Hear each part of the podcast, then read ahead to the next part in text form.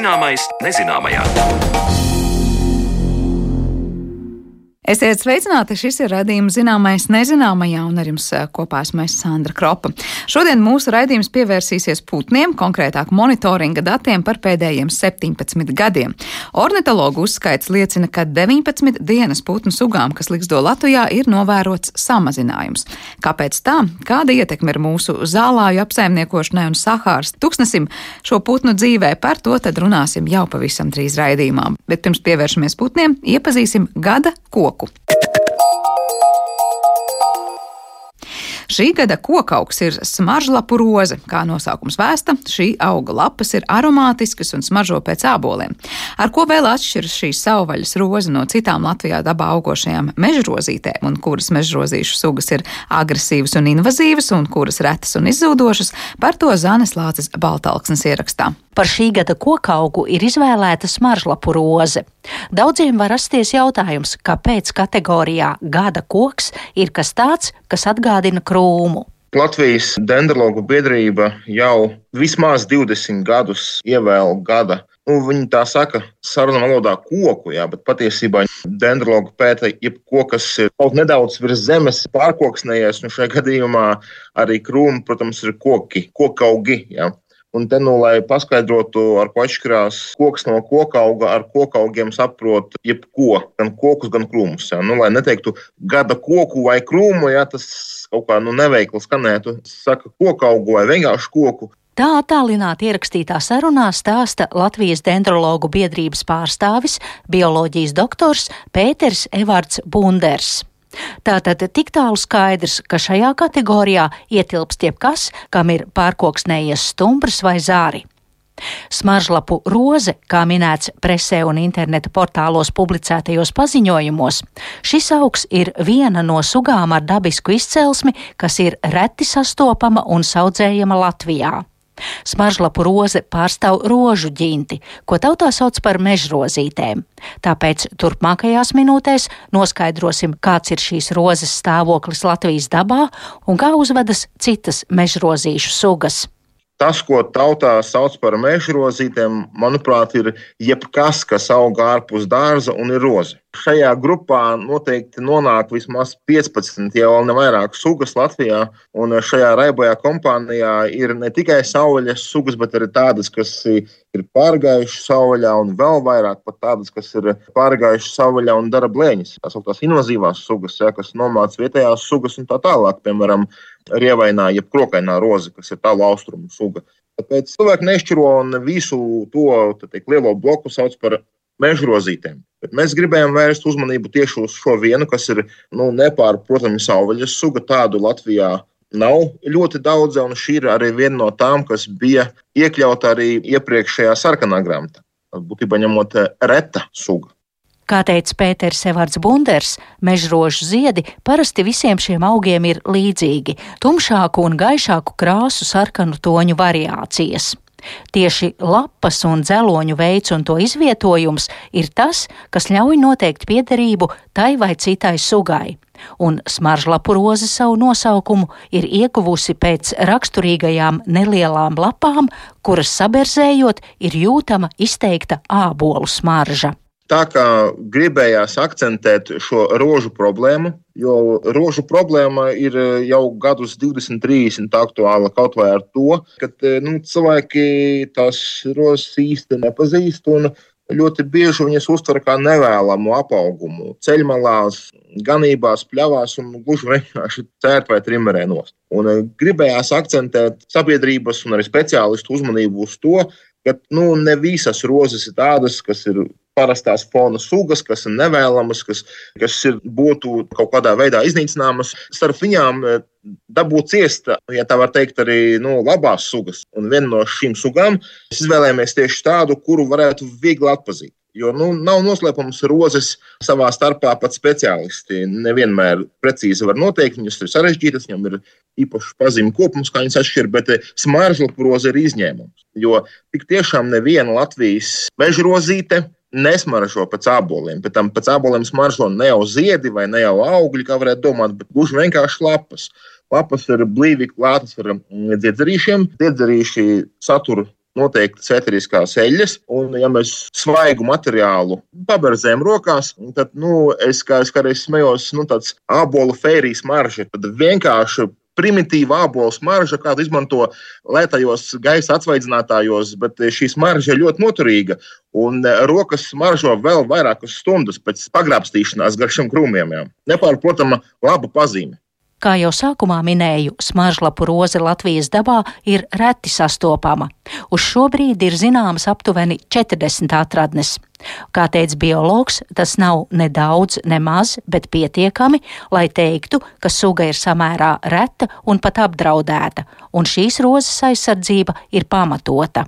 Tās atradnes izvietojas galvenokārt reģionos, kur ir kaļķaini atvērti zālāji vai upielas. Tas ir Gaujas Daugavas, Sabavas senlēja teritorijas, nu, un, attiecīgi, vēl kaut kādas tādas atvērtas ceļmalas, atvērtas maz ganītas ganības rietumu zemgalē un austrumu kurzemē, ja tā var teikt. To es domāju Tukuma un Talsu rajona robežu. Un citviet Latvijā punktveidīgi, ļoti, ļoti punktveidīgi. Ne tikai šīs sugas, bet arī citu savvaļas rožu iznīkšanu ir ietekmējusi ceļmalu un mežmalu izpļaušana. Tādējādi nākotnē smaržlapu rozi var vispār izzust no mūsu dabas. Arī invazīvās rožu sugas mēdz nomākt trauslākas savas ģints māsas. Tāpēc Pēterim Evertam Bundaram vaicāju, cik ļoti sugu apdraud agresīvās rozes un cik tās ietekmē cilvēka saimnieciskās darbības faktors jautājums nav tik viennozīmīgi atbildams, kas šeit ir vainīgs. Patiesībā ņemot vainīga ir acīm redzami apsaimniekošanas veida maiņa. Tālājos, peļmalās, ja agrāk, nu, tomēr, ja ganija, vai nu, ganija nu, ekstensīvi, ne, teikt, neintensīvi, vai arī pļāva fragmentāri ne visu, tad pašlaik e, tā apsaimniekošana ir tāda, ka mums ir patiesībā ņemot divas kategorijas. Vai nu mēs audzējam mežu, un viss e, noēnojas un salmīļu sugas izzūd, vai nu mēs e, taisam intensīvo ganību vai pļavu. Zālāji, e, kura atkal tiek intensīvi pļauts, un tad nevienā, ne otrā gadījumā tai rozei nav vietas. Nu, vienā gadījumā viņa noēno, viņa pakāpeniski izzūd, jo tas nav viņai piemērots. Otrā gadījumā, ja viņai desmit gadus noiet, nogriež galvu, jā, tad beigu beigās tā roza apvainojas un arī izzūd. Kā teikts presē izplatītajā paziņojumā, tad bieži vien ir grūti pierādīt, vai kāda konkrēta rožu suga tik tiešām ir Latvijas savvaļas floras elements, vai tomēr izsenis kultivēts un plaši savvaļā ieviesies arheofīts. Tas ir ļoti sens dārzbēglis. Mans jautājums, ja skatāmies uz visām 15 mežrožu sugām, kā var noteikt, kura mežrozīte mūsu dabā ir ienācēja un kura ir vietējā?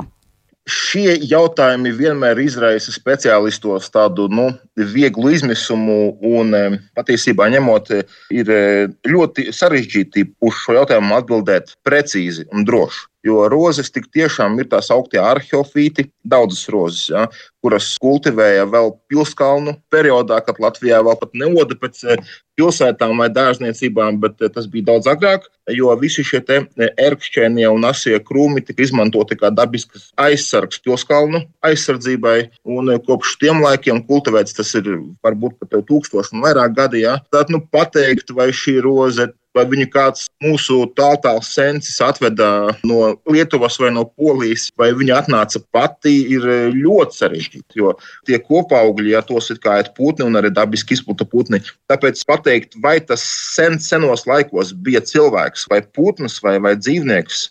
Nu, nezinu, vai kāds būs tik drosmīgs un teiks, nē, es zinu, To eh, noteikti izdarīja dabiski vai izdarīja mākslīgi. Vienīgais, pēc kā mēs varam spriest, tas ir kopējais sugas izplatības areāls. Ja mēs redzam to kopējo bildi Eiropā, kur tad šī suga ir izplatīta, tad eh, nu, var eh, tīri labi redzēt, ka nu, Baltija ļoti skaisti iekļaujas kopējā areālā. Protams, ka šo sugu arī kultivē, viņu joprojām var atrast dārzos. Jo ir cilvēki, kam patīk savvaļas rozes, un e, es zinu, ka ir arī mūsdienās entuziasti, kas mēģina apstādīt ar rozēm pilskalnus, jā, un, un, un tas tur arī piestāv, šī roze tur piestāv. Viņa tur augusi izsenis, bet pateikt tā precīzi, No minētajām 15 mežrožu sugām vairākas ir izteikti ekoloģiski agresīvas un pat invazīvas svežzemju sugas, un viena no tādām ir sastopama daudz viet mūsu pludmalē. Tā ir krokainā roze. Ekoloģiski agresīvākās, ja tās, kas ir iekļautas invazīvo sugu sarakstā, uz šo brīdi ir viena ļoti agresīva, kas ir sevišķi kaitē kāpu biotopiem, jo agrāk viņi tur stādīja Smilšu nostiprināšanai tā ir krokainā, ja prievainā roze, kas savvaļā aug tālēs austrumos, Ureļu salās, redzot, Krievijas tālēs austrumos. Un šo sugu kādreiz pirms pāris simt gadiem eh, Latvijā ieveda gan kā dekoratīvo, gan arī, kā teicu, smiltai nostiprināšanai. Un pašlaik vietām liepāja pape un nu, citu vietu jūrmalā šī roze dara ļoti liels blēņas. Aizaudzē šīs jā, un, nu, ja mums ir tāds eh, daudzu simtu kvadrātmetru rožu klājiens. Nezinu, vai jūs gribēsiet šajā vietā sauļoties ja, un izklāt savu deķīti, jo tur viss ir ļoti, ļoti asas un ļoti nepatīkams. Ar šo sugu valstī plāno cīnīties. Vēl pāris, trīs sugas ir tādas, kas nāk no Krievijas vai arī no Amerikas, e, kurām ir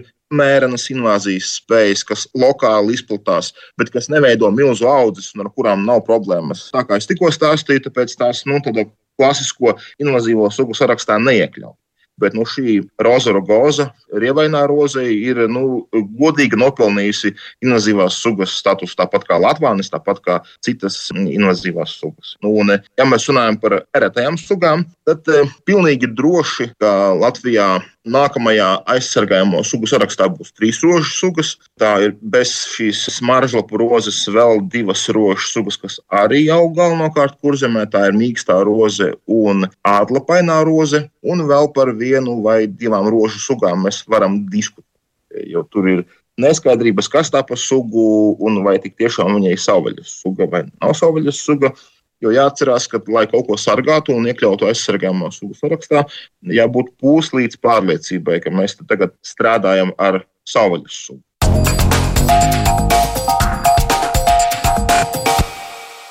Par gada koku smaržlapu rozi stāstīja Zana Lāca Baltāksne, bet raidījuma turpmākajās minūtēs pievēršamies izmaiņām putnu sugu populācijā Latvijā.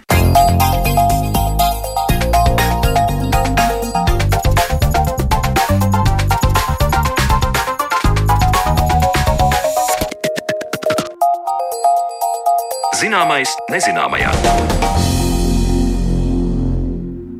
Ir iegūti jauni un izskatās nesevišķi iepriecinoši dati par putnu populācijām Latvijā. 17 gadu dati par dienas putniem liek secināt, ka daudzu sugu populācijas pie mums sarūg. Kāpēc tā, kur ir tie lielākie cietēji un ko darīt, lai situācija mainītos? Par to mūsu saruna šodien ar mūsu attālinātā studijas viesi Latvijas ornitoloģijas biedrības līgzdojošo putnu monitoringu zinātnisko vadītāju, Latvijas Universitātes asociēto profesoru un bioloģijas zinātņu doktoru Aināru. Kalniņa. Labdien! Labdien! Nu, sākšu ar to, kas ir tas jaunākais, kas ir saskaitīts un uzskaitīts, jo dati izskatās ir ievērojami. 17 gadu dati ir apkopoti un secinājumi, ka nu, noteiktas dienas putnu sugas eh, pie mums samazinās. Par ko mēs runājam, kas ir skaitīts un kādi ir tie galvenie secinājumi? Nu šie, šie dati ir no likstojošo putnu monitoringa, kas ik katru gadu tiek veikts. Uh, kuru veids labi putnu pazinēji, pārsvarā tie ir ornitoloģijas biedrības biedri, e, nosacīti nejauši izvēlētos marš, maršrutos, lai tā, lai tā, nu, šie maršruti reprezentētu visu Latviju kopumā. Un, gadu no gada šajos pastāvīgajos maršrutos tiek veikts uzskaits četras reizes līdz četrām reizēm sezonā. Un Šādā veidā mēs iegūstam datus, kādā veidā populācija vienās un tajās pašās vietās mainās, laika gaitā mainās arī pašas, pašas vietas, un šīs izmaiņas vietās arī atspoguļojas putnu faunā. Nu, tas, ko mēs esam ieguvuši, mēs esam ieguvuši datus par apmēram 120 sugām. Nu, tās ir tās parastākās likstojošo putnu sugas, par kurām šādā veidā dati ir iegūstami. Un um, tie rāda um, to, uh, ka 19 no, no sugām ir uh, būtiska populācijas samazināšanās šajā laika periodā. Uh, vēl 36 um, sugām populācija stabila, un 26 viņi ir bijusi pieauguši, nu, un pārējām viņi klasificējās kā neskaidri. Respektīvi, nu, viņi skaidri neklasificējās nevienā no, no šīm trim kastītēm, tāpēc viņas ir neskaidras. Bet eh, tas, ka kopumā sanāk tās 19 sugas, kurām tā tendence ir pazemināties un samazināties skaitam, nu, ir, ir mazāk nekā tās, kas ir stabilas vai augšupejošas, vai kopumā tie dati būtu jāvērtē kā bēdīgā stāvoklī, kritiskā vai ne tik ļoti. Tās 19 ir daudz vai maz, pret ko ir jāsalīdzina. Eh, jebkuras sugas populācija, kas samazinās, tas ir nevēlami. Un vēl eh, papildus tam es gribēju teikt, eh, piebilst arī to, ka tas, ka ir sugas, kurām populācija palielinās, nav obligāti kaut kas ļoti pozitīvs. Un īstenībā dabas aizsardzībā nu, teiksim, tas vēlamais, vēlamā situācija būtu, kad vairums sugu populācijas ir stabilas ka, ka viņas neiet ne uz augšu, ne uz leju. Jo tad, kad kādas sugas populācija iet uz augšu, viņa būtībā patērē resursus, un, un būtībā tas ir iemesls iespējams citu sugu sarukumam, respektīvi izdzīvo viņas no, no, no dzīves telpas. Tāpēc nu jā, tā, tā tad negatīvajā aspektā būtu jāskatās eh, gan tās, kuras samazinās, gan tās, kuras eh, palielinās. Šeit, protams, izņēmums varētu būt situācija, ja kāda suga pirms tam ir samazinājusies. Un, eh, teiksim, ir veikti kaut kādi mērķiecīgi pasākumi, lai viņas populāciju atjaunotu. Tad šī atjaunošanās, tur, protams, pieaugums ir vērtējams pozitīvi vai kāda kritiski apdraudētā varbūt kļuvusi var mazāk apdraudēta. Bet kādi ir tie tipiskākie piemēri, varbūt gan runājot par tām, kas ir samazinājušās, gan tām, kas ir pieaugušas, vai varam runāt arī par šiem pozitīviem piemēriem, ka tās ir bijušas tās sugas, kas savulaik ir bijušas nu, mazāk, vai savukārt, kas ir īpaši mēģināts kaut kā atjaunot un, un balstīt. Uh, kur ir tie piemēri un kur ir tie secinājumi? Nu, lūkojoties uz visu šo analizēto sugu kopumu, tad mēs iezīmējam tādas divas sugu grupas, kam klājas vissliktāk. Tas ir pats skatoties ne tikai uz tām sugām, kuras nu, sagrupējas tajā, tajās kastītēs, pa ko es runāju, kā, kā būtiski dilstošas, būtiski pieaugušas, bet kopumā visas šīs te tendences sliktāk klājas tām sugām, kuras ziemo ekvatoriālajā Āfrikā un zemāk, tātad Āfrikā uz dienvidiem no Sahāras tūkstneša. Tur visās ekosistēmās tieši šī sugu grupa ir ar sliktākajām tendencēm. Un otra grupa, kas iezīmējās, ir putni, kas saistīti ar lauksēmniecības zemēm, ar atklātajām ainavām, ar būtībā ar zālājiem un tīrumiem kas, kas nav īsti no lauksaimniecības zemes malu sugas, kam patīk tur grāmalas un, un tam līdzīgas vietas, bet tieši ar šo atklā, atklāto lauku vai zālāju daļu.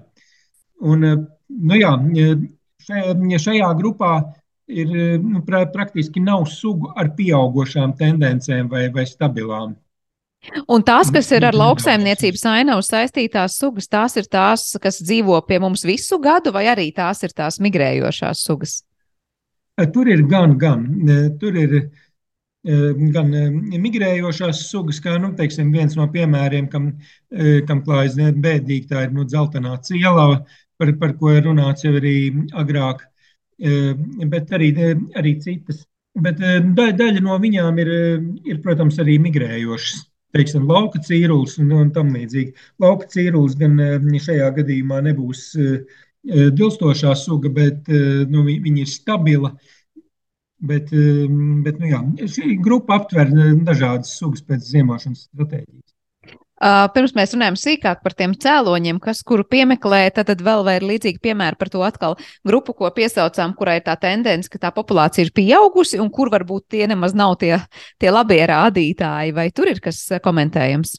Kopumā tā skatoties, eh, populācija vislabāk klājas tām sugām, kas ir saistītas ar cilvēka dzīvesvietām, vai nu kaut kādā nu, urbānā vidē, kas uh, dzīvo vai pielāgojušās dzīvē. Tajā, piemēram, ir tāds uh, putniņš, melnais eritskiņš, kas mums tepat Rīgā un arī daudz kur citur, kur ir kaut kāda apbūve un būvlaukumi un tam līdzīgas vietas. Tur, tur šis putniņš ir, ir sastopams.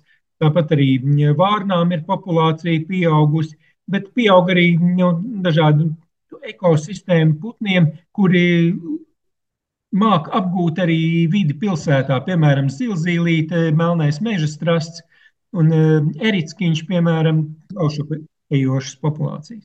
Tad var teikt, ka tie, kas ir iemācījušies dzīvot blakus cilvēkam vai sapratuši, ka sadzīvot ar cilvēku ir gan izdevīgi, ir tajā nu, pozīcijā, kas viņiem nodrošina varbūt nu, vieglākus dzīves apstākļus, ir pietiekoši ko ēst, ir kur patvērties. Un savukārt tie, kuri nu, nedzīvo tik ļoti saistībā ar cilvēka dzīves vidi un nav mums tik tuvu, nu, ir tie lielākie cietēji. Es teiktu, tā, ka tās sugas, kuras ir nu, ekoloģiski plastiskas, eh, var labi pielāgoties, viņa, viņas labāk pielāgosies dažādiem apstākļiem. Tā skaitā apgūs arī to vidi, ko, ko rada cilvēks.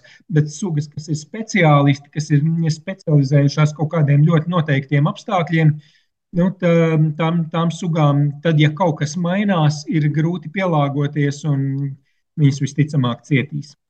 Nu, izskatās, ka Latvijas gadījumā tad, jūs nosauktie divi iemesli - lauksaimniecības ainava, tad tie, kuriem ir svarīga šī konkrētā vieta, lai būtu pļava, lai būtu, lai būtu zālāji, lai būtu pietiekoši daudz vietas un nebūtu viss pilnīgi apārts un apstrādāts. Tātad šie putni noteikti ir tie, kas cieši. Bet tas, ko jūs minējāt, no vienas puses ir tie tālie migranti un ietekmē viss tas, kas ir ap ekvatoru un vēl uz leju. Vai mēs varam teikt, ka par tām putnu sugām, nu, kuras tad ir tie tālie migranti, mēs šeit uz vietas Latvijā nevaram darīt neko, lai viņas justos labāk, lai tām būtu labāka dzīve un, un lai pie mums atgrieztos vairāk putnu nekā varbūt iepriekšējā sezonā aizlidojuši? Nu, bieži vien ir tā, ka darbojas ne tikai viens no šiem iespējamajiem faktoriem, var darboties arī vairāki. Piemēram, suga, kas nu, liksto lauksaimniecības zemēs, nu, piemēram, grieze vai, vai tāpat zeltainā ciela vai kārtu ķauķis. Ja? Viņām, uz viņām darbojas gan tas, kas notiek viņu ziemošanas vietās, tur Āfrikā, gan arī tas, kas notiek um, likstošanas vietās šeit, šeit pat uz vietas Latvijā. Tad, tādēļ mēs nevaram teikt, ka mm, neko nevaram darīt. Mūsu lieta būtu nodrošināt e, piemērotus dzīves apstākļus e, šīm sugām tepat uz vietas. Protams, mēs nevaram ietekmēt e, to, kā mainās situācija viņu ziemošanas vietās, Un iespējams, ka tur šī vidas ietilpība samazinās, mazāks skaits tur var izdzīvot un līdz ar to atgriezties. Bet, nu, jebkurā gadījumā būtu svarīgi, lai atgriežoties šeit, viņām joprojām būtu kur dzīvot.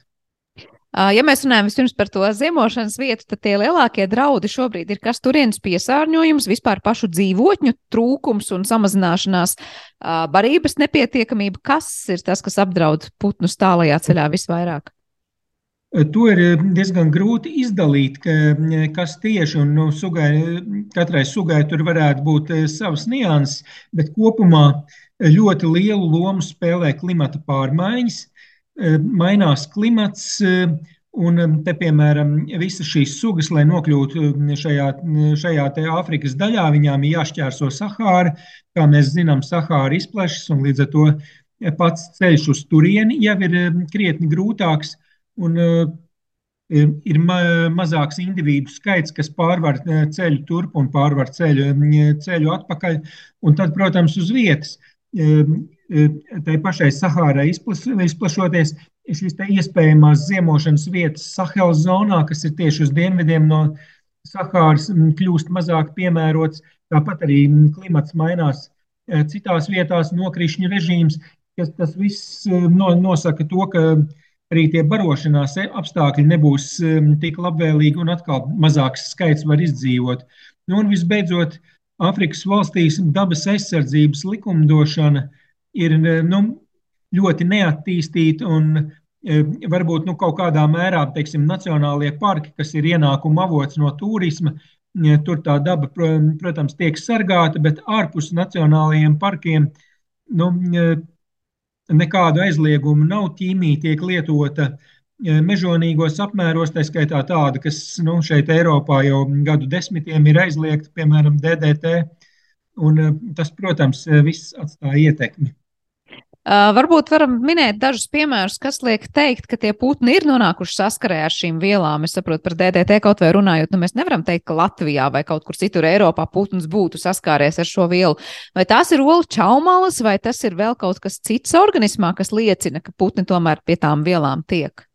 Jā, tas parasti čaumalās, veicot viņu analīzes, var to konstatēt. Tur indikatīva pazīme varētu būt, ka tās čaumalas ir tādas ļoti plānas, neizturīgas. Un, cik zinu, kolēģis Mārcis Strasts ir konstatējis DDT melno stārķu olās, bet nu, detaļas par šo labāk droši vien jautāt viņam pašam. Nu, katrā ziņā tas nav vienkārši pieņēmums. Tur ir konkrēti fakti, kas liek teikt, ka šie putni tiešām no konkrētajām vielām cieši.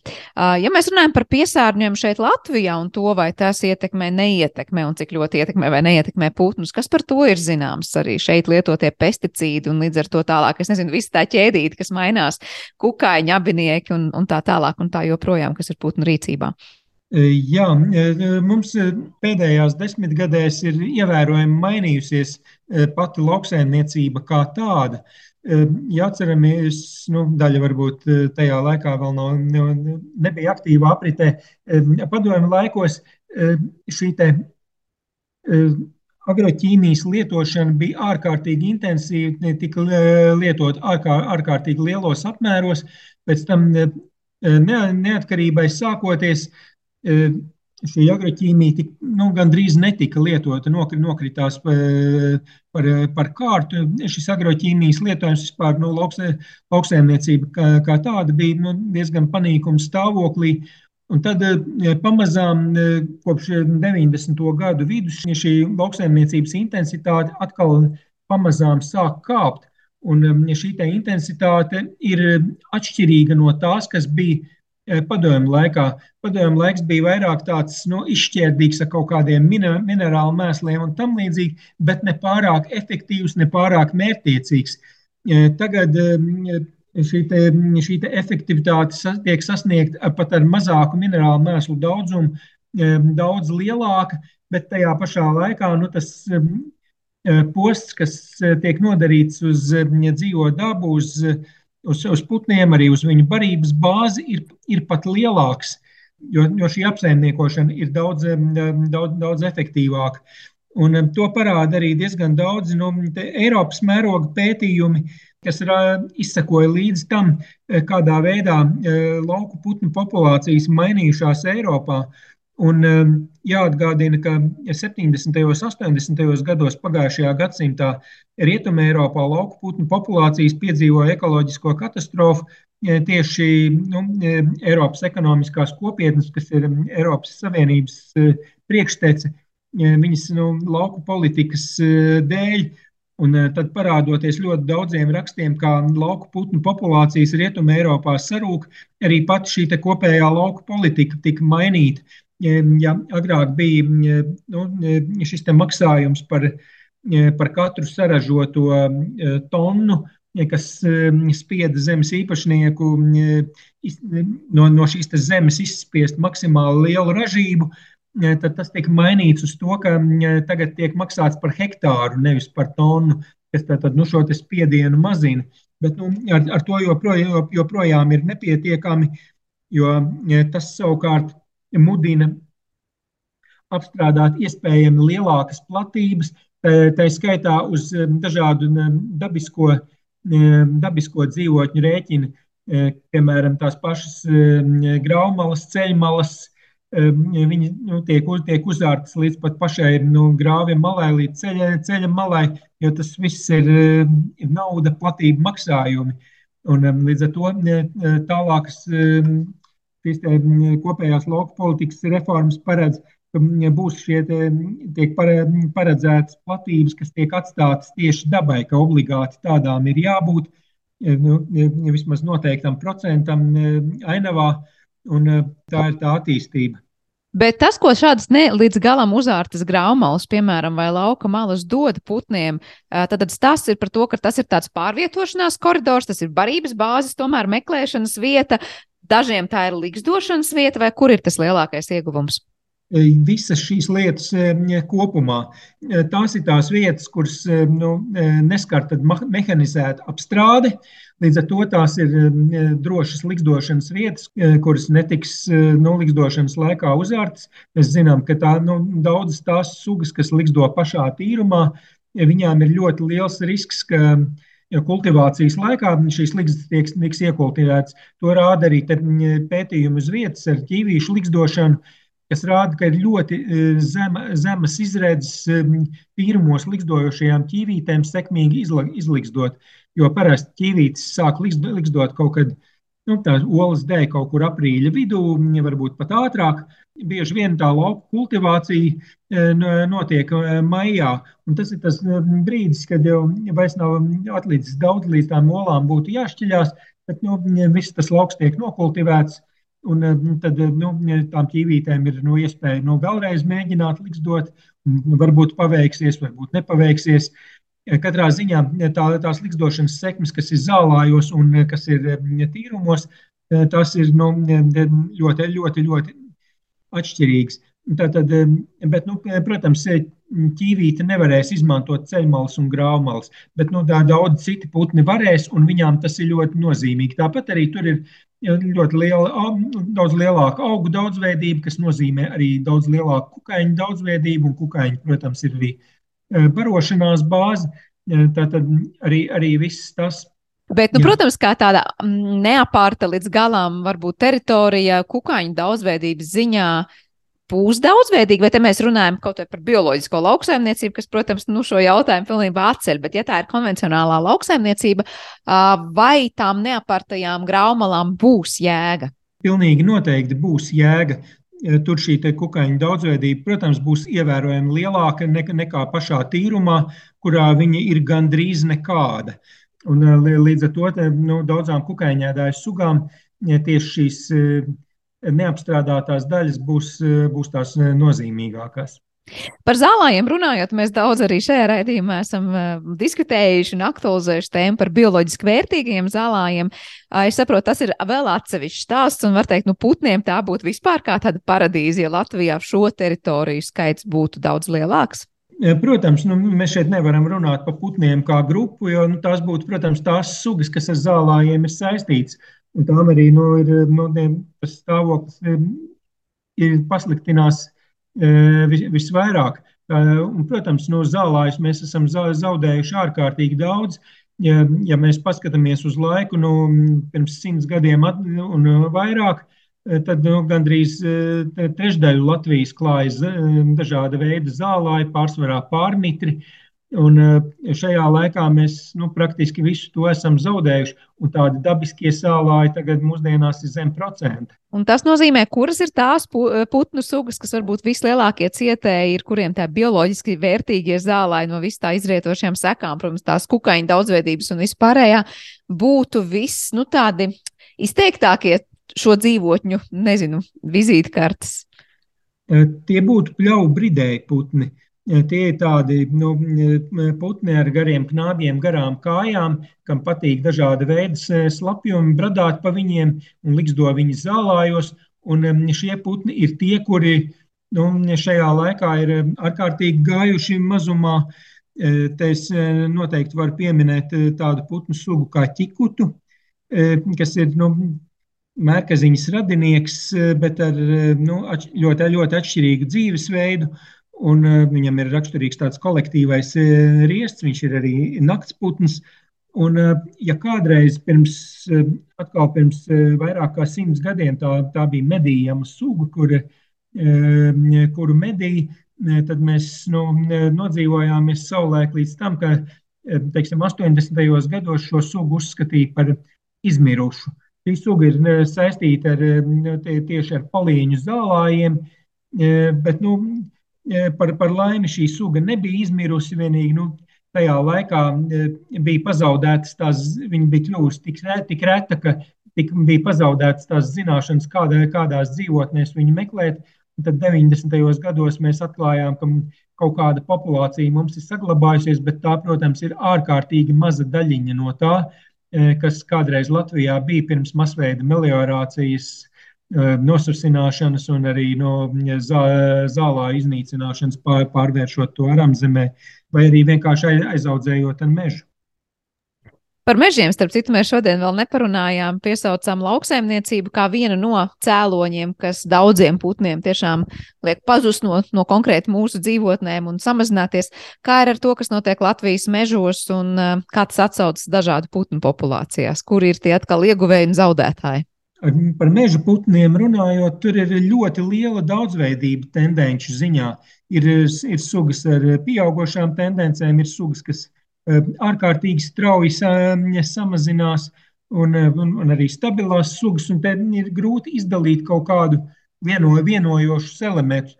Protams, saglabājas tas, ka Subsahāras Āfrikā ziemojošām sugām ir caurmērā sliktākas tendences nekā nometniekiem un Eiropā ziemojošajām sugām. Bet, bet jā, tādas, tādas citas īsti, īsti skaidri neparādās. Vēl ļoti interesanti ir tas, ka tieši nometnieku sugām e, šī e, dažādība ir visizteiktākā tendenci ziņā, un ir ārkārtīgi daudz sugu, kam tās tendences ir, kas ir nometnieku sugas. Tā, tas ir tādas sugas, kas visu gadu pavada te pie mums, vai arī migrē ļoti ierobežotā apjomā, ļoti, nu, vai kaut kādi daļēji migranti tad tām arī ir ār, ārkārtīgi, daļai ir ārkārtīgi sliktas tendences. Un viena no rekordistēm būtībā suga ar visvairāk izteikto samazināšanās tendenci, visstraujāko samazināšanos, ir tieši, tieši nometnieku suga, tā ir mežīrbe. Mēs šo, šo sugu zaudējam gandrīz nu, 12% gadā. Tas diezgan ievērojams kritums, laikam varētu būt rekordisti citu putnu vidū. Jā, viņa arī ir suga ar visstraujāko kritumu. Nu, un mežģīra, protams, ir nometniece. Viņa nekur nemigrē, viņa paro, visu mūžu pavada diezgan ierobežotā teritorijā. Tātad visi, visas problēmas, kas ar šo sugu ir, ir meklējams tepat uz vietas, un mēs noteikti nevaram vainot Āfriku. Tās ir tātad visas problēmas, ir arī mūsējās. Uh, vēl neparunājam par tiem putniem, kas savukārt ierodas pie mums uh, tikai, nu, kā saka, mēs viņiem esam tie galējie dienvidi. Ja? Vai mēs varam redzēt, ka arī to putnu vidū ir dažādas negatīvas tendences, proti, kas varbūt uh, vasarā ir krietni kaut kur ziemeļos, un tad ziemā ierodas pie mums vai vēlā rudenī pie mums Latvijā? Eh, par šiem putniem mums eh, informācijas ir ievērojami mazāk, jo šīs uzskaitas, par kurām es stāstīju, tās ir vērstas uz likstojošajiem putniem. Viņas notiek liksto, likstošanas sezonā, un tas ir tas laiks, kad eh, ziemojo, ziemojošo putnu šeit vairs, vairs nav. Un tāds ziemojošo putnu uzskaits, tāds ikgadējs mums nenotiek. Mums ir noticis viens ziemojošo putnu atlants savulaik 80. gados, un otrs notiek pat labāk, bet patreiz, patreiz mums vēl nav īsti šī salīdzinošā materiāla. Skaidrs, tā ir mazliet cita pētījuma joma, bet es nezinu, vai tas ir jautājums par ziemojošiem putniem vai, vai, vai daži ūdens putni arī pārsvar citas kategorijas. Es zinu, ka ar citiem ornitologiem runājot, ir nācies secināt, ka piezveja un jūrā dažādas lietas, kas notiek negatīvi ietekmē arī šejienes populācijas, vai mēs te visu laiku runājot par to, kas notiek sauzemē, dažkārt neaizmirstam par to, kāda ir tā jūras vide un cik ļoti tas, kāda ir jūra, kas jūrā notiek, kā saimniekojam un kādas ir turienes dzīvotnes, vispār ļauj tām putnu populācijām pie mums nesarukt. Jā, jūras vide ir, protams, pilnīgi kaut kas atšķirīgs. Un, un ja es teicu, ka mums par šiem ziemojošiem putniem šīs informācijas ir maz, tad tas ir, nav tik ļoti attiecināms uz jūras vidi, kur savukārt ziemojošo ūdens putnu uzskaits notiek jau, jau daudzus gadu, gadu desmitus, un līdz ar to tur mēs, tur mēs daudz labāk varam Eh, sekot līdzi, kas eh, jūra, teiksim, jūrā un jūras piekrastē ziemo, ziemojošiem putniem notiek. Un, eh, te atkal mums ir sugas, kurām klājas labāk, kam, kam, kam klājas mazāk labi. Ņemot vērā, ka tas ir nu, tāds ilgāks laika periods, ko mēs varam, varam apskatīt, ka tur ir bijuši gan kāpumi, gan kritumi. Piemēram, savulaik atkal tajā pašā, nu, tajos pašos 90. gados, kad ievērojami samazinājās agroķīmijas lietojums, e, tas e, mazināja jūras eitrofikāciju tajā laikā, un līdz ar to nu, tās sugas, kuras, kuras bija, nu, bija, bija bijušas ieguvējas no šīs eitrofikācijas, protams, gāja mazumā, nu, dažādas zāle, nu, tā, tā, augēdājas sugas, kā, kā, kā paugurknābi, gulbi, kā, kā meža pīles, lauči, bet savukārt tas bija daudz labāk tām sugām, kuras nu, barojas rifos ar, ar gliemenēm un, un tam līdzīgi. Tad, tad, tur atkal ir šie ieguvēji un zaudē, zaudētāji. Bet, protams, mūsdienās, nu, skatoties uz Baltijas jūru kopumā, tad nu, visas šīs sugas, kas barojas ap bentosu, gliemenēm un, un, un, un, cit, un, citiem bezmugurkalniekiem, ko, ko tur rifos var dabūt, viņām klājas ievērojami sliktāk, un daļa no šīm sugām ir mums e, jau nokļuvušas arī globāli apdraudēto kategorijās, kā, kā piemēram kākaulis, tumšā pīle, parastā pūkpīle. Tā kā mums tiešām tās tendences ir vērojams kā jūrā, tā arī uz sauszemes, ja mēs skatāmies, tad tas, kā mēs saimniekojam un kā ko lietojam, ļoti atsaucas konkrētās putnu populācijās. Droši vien mēs te vēl varētu runāt ļoti daudz un par katru interesējošo, katram sugu, protams, vēl vairāk, bet noslēdzot šo sarunu, vai mēs varam teikt, ka tad, kad mēs esam secinājuši, ka lūk, ir tā nu, negatīvā tendence, kā jūs minējāt, 19 konkrētu sugu kontekstā, uh, ir iespēja ko darīt, vai mēs vienkārši varam šobrīd konstatēt, vai tomēr ir konkrēti pasākumi, kurus ieviešot, ir cerība, ka tā tendence mainās un tās populācijas atjaunojas?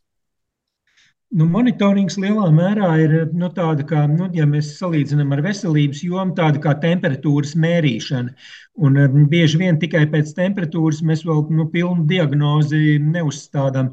Bet tad, kad šī temperatūra nu, nav kārtībā, ir par augstu vai par zemu, eh, tad tas, protams, ir kaut kāds signāls, ka ir um, jāskatās sīkāk un jāskatās, ko varam darīt lietas labā. Tāpat arī uh, šeit, ja mēs redzam, ka populācijas samazinās, tad ir jāsāk skatīties, kas ir šie iemesli. Daļai no sugām viņi ir nu, varbūt jau intuitīvi nojaušami, bet nu, bieži vien prasās speciāli papildus pētījumi, lai pierā, pierādītu, it sevišķi, ja, ja nu, teiksim, iespējamie risinājumi skar dažādas nu, saimnieciskas nozares, tad, protams, tiks prasīts, kur, kuri, kuri pierādījumi, ka, ka tieši šī, šīs jomas kaut kādā veidā kaitē, un tādēļ šie papildus pētījumi not, no, noteikti ir vajadzīgi. Bet, jeb, jebkurā gadījumā, eh, nu, tātad viss, kas eh, ļauj nesamazināt dzīvotni, dzīvotnes, nepasliktināt viņu kvalitāti, eh, protams, ir, ir nu, šīs, tas, uz ko būtu jāvirzās.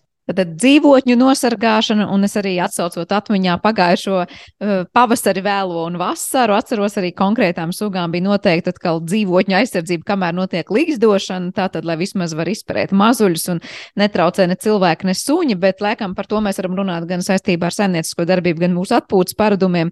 Latvijā ir gana daudz ko darīt, jo, kā sapratām, tātad tie putni, kuriem klājas sliktāk no vienas puses, ir tie, kas dodas tālu prom no Latvijas, bet viņu vidū ir arī tie, kas visu gadu pavada šeit, un rekordists, kas samazinās, laikam, visvairāk ir tieši suga, kas visu savu dzīves, teikt, gada griezumu pavada Latvijā. Nu, ko lūkosim, ko varēsim darīt un ko, kas tiks darīts, cerams, ka tiešām tā situācija uzlabosies, un pēc kāda laika, runājot par nākamajiem datiem, mēs varēsim teikt, ka tendences ir varbūt tādas, nu, pozitīvākas, bet šai reizē es teikšu lielu paldies Latvijas ornitoloģijas Latvijas biedrības liksdojošo putnu monitoringa zinātniskajam vadītājam un Latvijas universitātes asociētiem profesoram, bioloģijas zinātņu doktoram Aināram Auniņam, kas šodien bija mūsu raidījuma attālinātās studijas viesis. Par šo raidījumu, kā parasti, rūpējās producenta Paula Gulbinska, par mūziku gādāja Girds Bišs un ar jums kopā viesis Sandra Kropa. Uz tikšanos!